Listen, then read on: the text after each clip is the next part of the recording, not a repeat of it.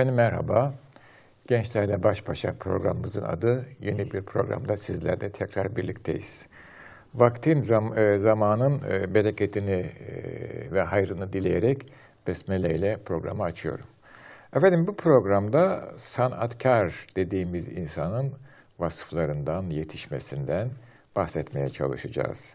Genel manada bunu ele alacağız. Sanatkar dediğimiz insan nasıl bir insandır? Fıtratı itibariyle.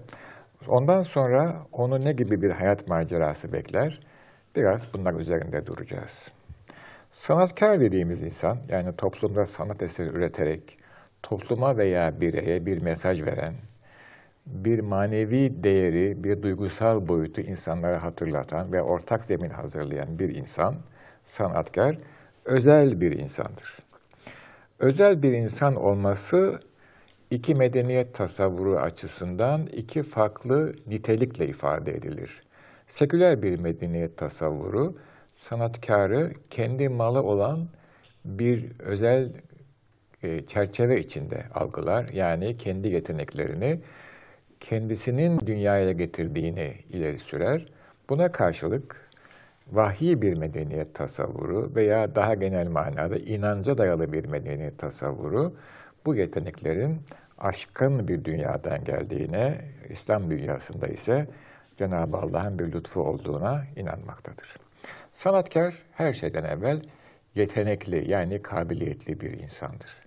Hangi sanata yeteneği var onu zaman ve zemin ifade eder, gösterir.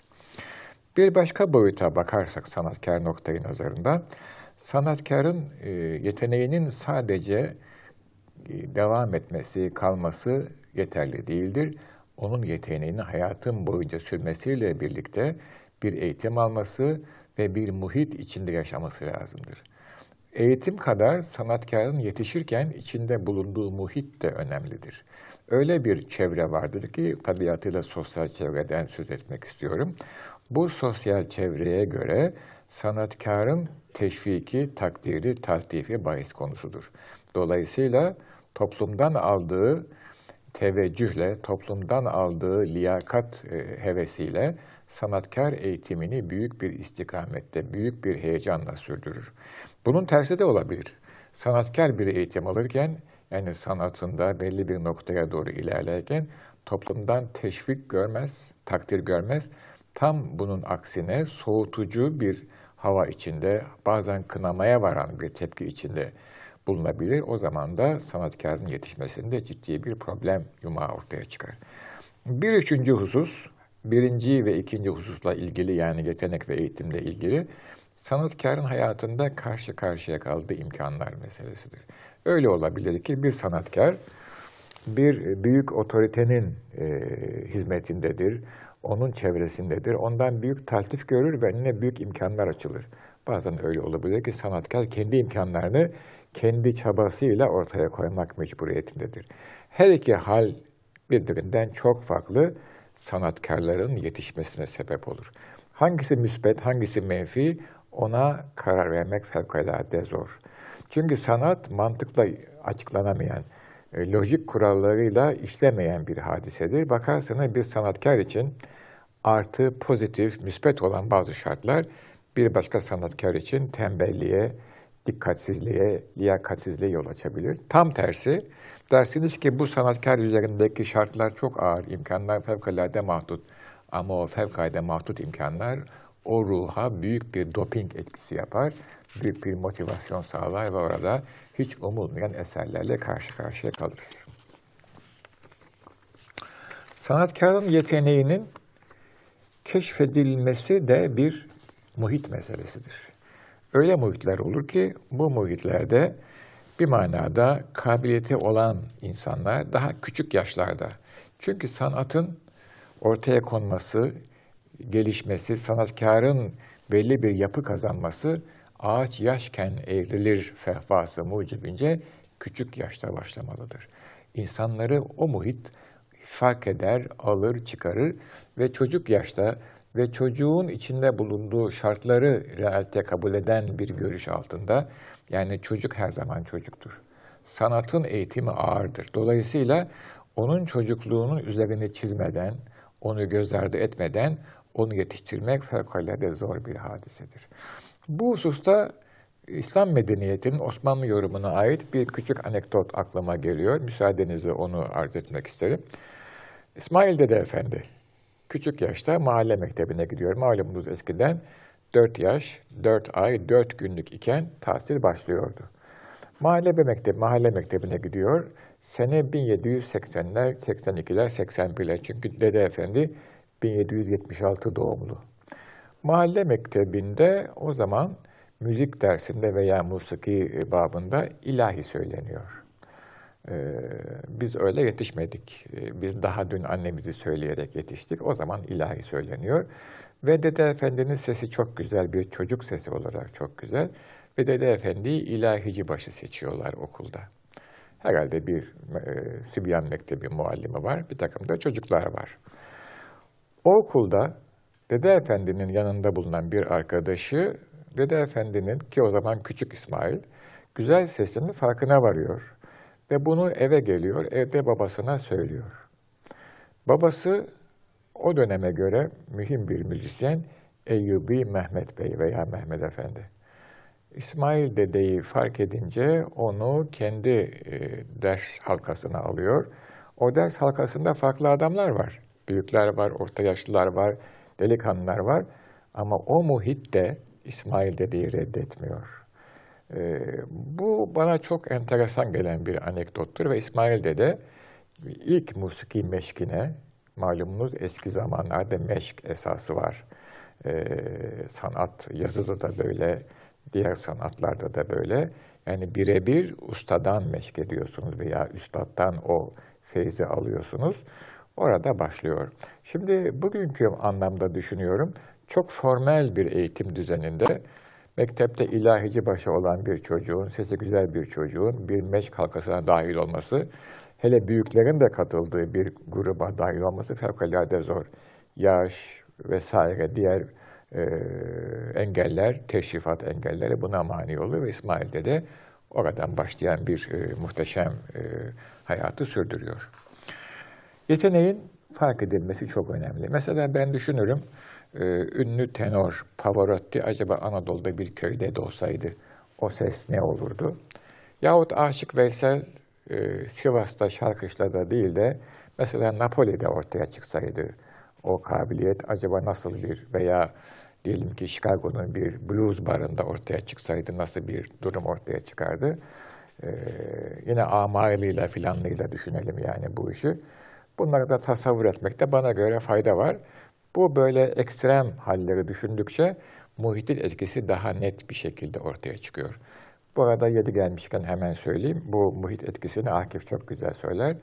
Gördüm de hazanında bu cennet gibi yurdu viranelerin yasçısı baykuşlara döndüm.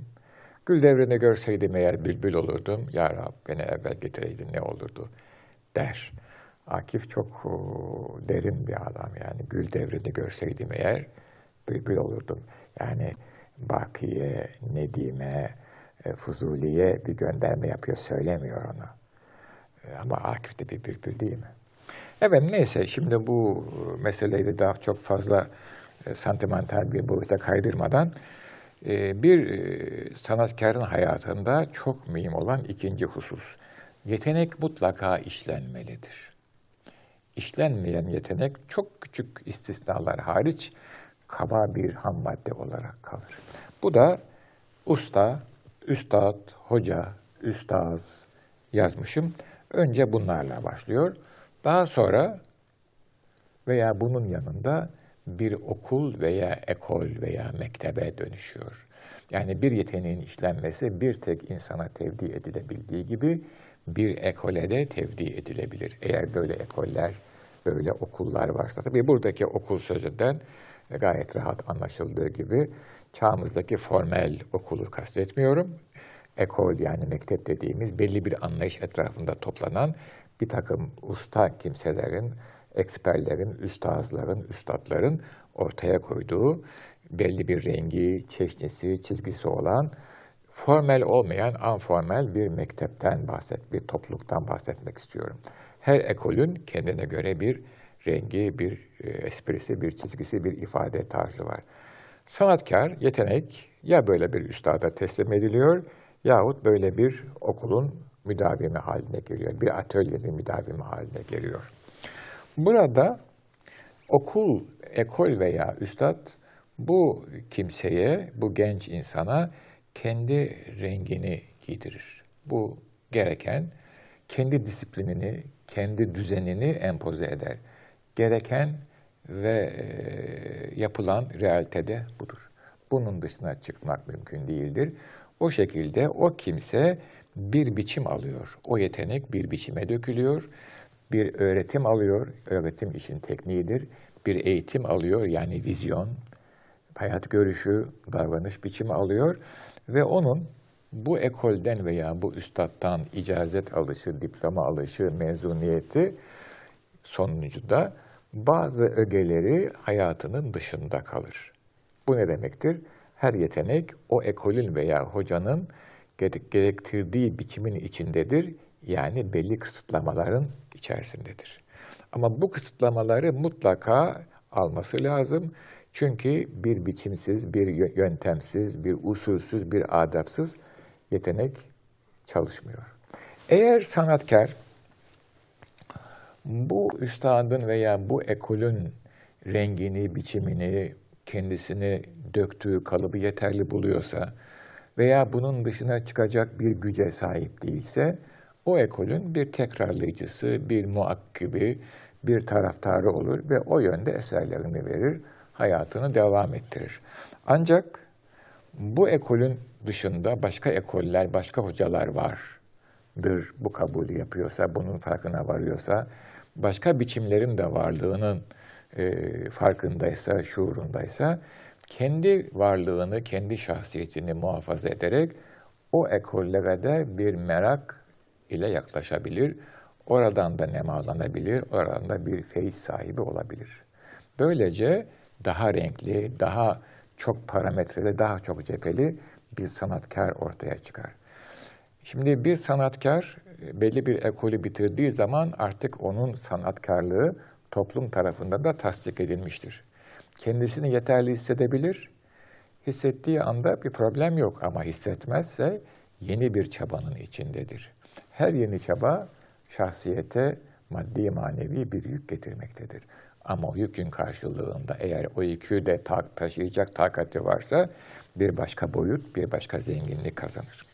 Bu arada bütün bunları yaparken sanatkar çevrenin etkisinden kesinlikle korunmuş değildir. Çevre hele böyle seçkin bir insan olduğu için yani sanatkar yetenekleri var, yavaş yavaş ortaya çıktı, yetenekleri görüldü, belli bir eğitimden geçti, eser vermeye başladı, söz söylüyor, eser veriyor. E, sihamı kazayı kaza oklarının üzerine çeker. Sanatkarın tatif okları kadar üzerine kaza okları da gelir. Yani tenkit okları. Bunların bir kısmı haklı tenkitlerdir, bir kısmı ise kıskanç, hasetçi tenkitlerdir. Sanatçının üzerine gelen taltif, takdir ifadeleri de bu acımasız eleştiriler de çok tehlikeli e, iki ayrı istikametten ilerleyen ordular gibidir. Taltif orduları sanatçının benliğini büyütür, varlığını, egosunu yüceltir ve sanatçı giderek sanatından çok egosuna tapmaya başlar. Egosunu ön plana çıkarır.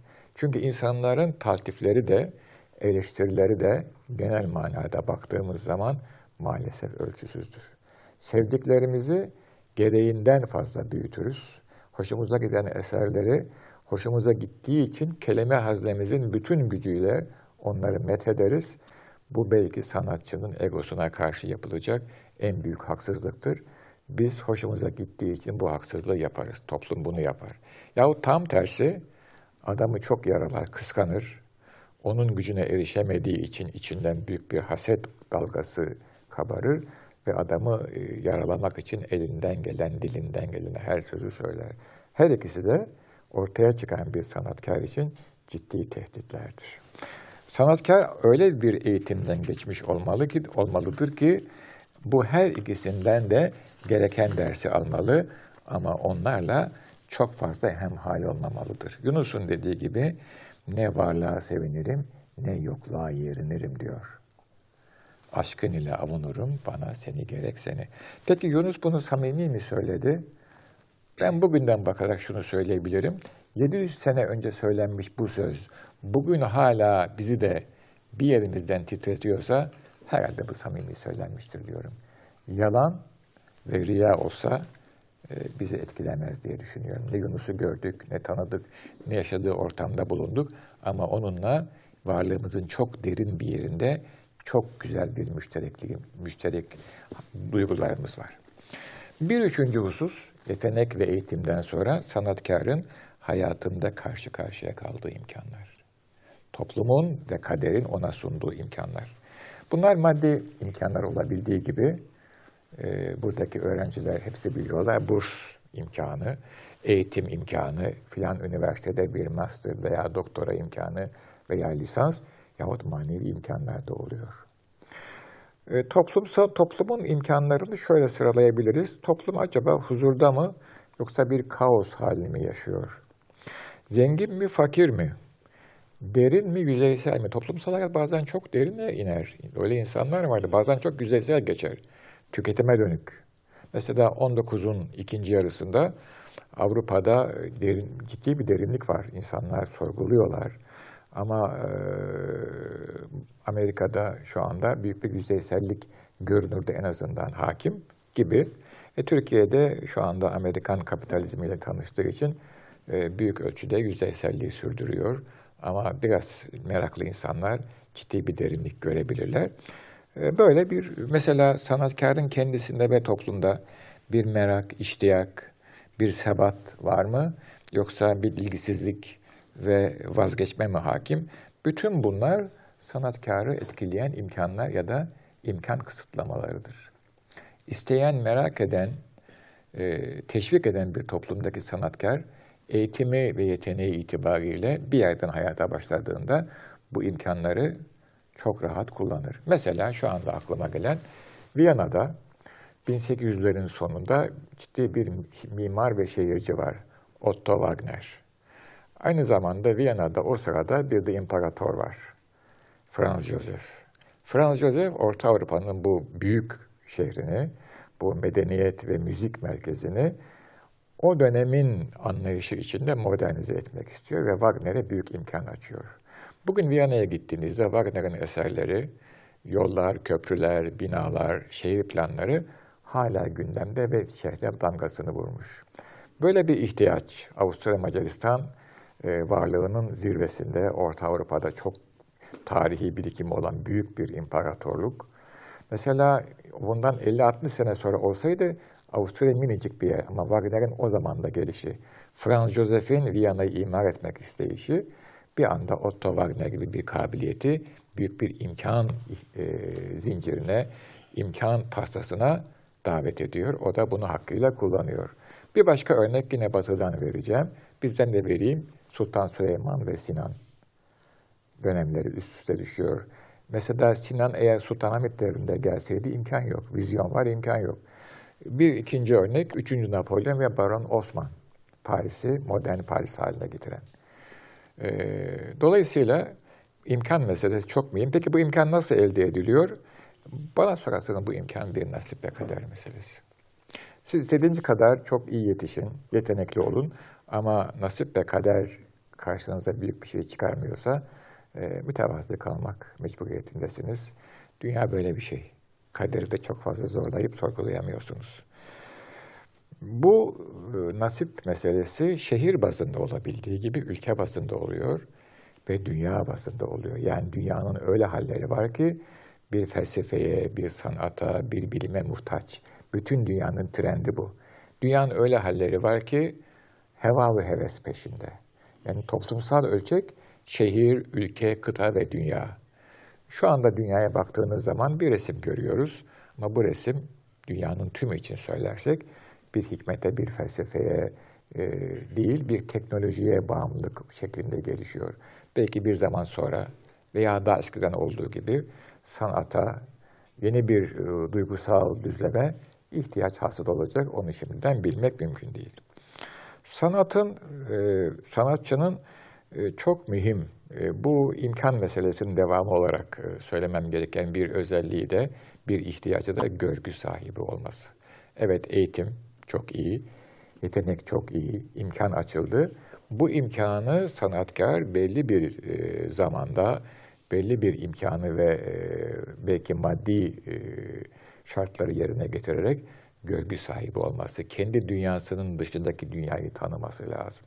Sadece sırf san, kendi sanatıyla alakalı değil, kendisine çok aykırı görünen, alakasız gibi görünen alanlara da sahip olması, onları görmesi gerekiyor ki aynasına çok ışık düşsün. Aksi halde aynaya belli huzmeler düşebilir ve onların yansımaları da mahdut olur. Bu bilimde de böyledir. Bir bilgin kendi sahasında uzmandır ama yan sahaları ve sanatı da mutlaka bir şekilde belli bir düzlemde, belli bir seviyede kendisine mal etmelidir ki kendi problemine bakarken vizyonu açılsın. Sanatta da aynı böyle. Sanatkar bir taraftan bilimle ilgilenirken, bir taraftan felsefeye bakarken, bir, bir yandan diğer sanatlara atfı nazar ederken eski tabirle kendi görgüsü gelişir, görgü dağarcığı büyür, zenginleşir ve çok parametreli bir hale gelir ve kendi sanatı bu sayede farklı açılımlara doğru yelken açar. Efendim zannediyorum bize ayrılan vakit sona erdi. Ee, aziz seyirciler, sizleri saygıyla, muhabbetleri, sevgiyle selamlıyorum.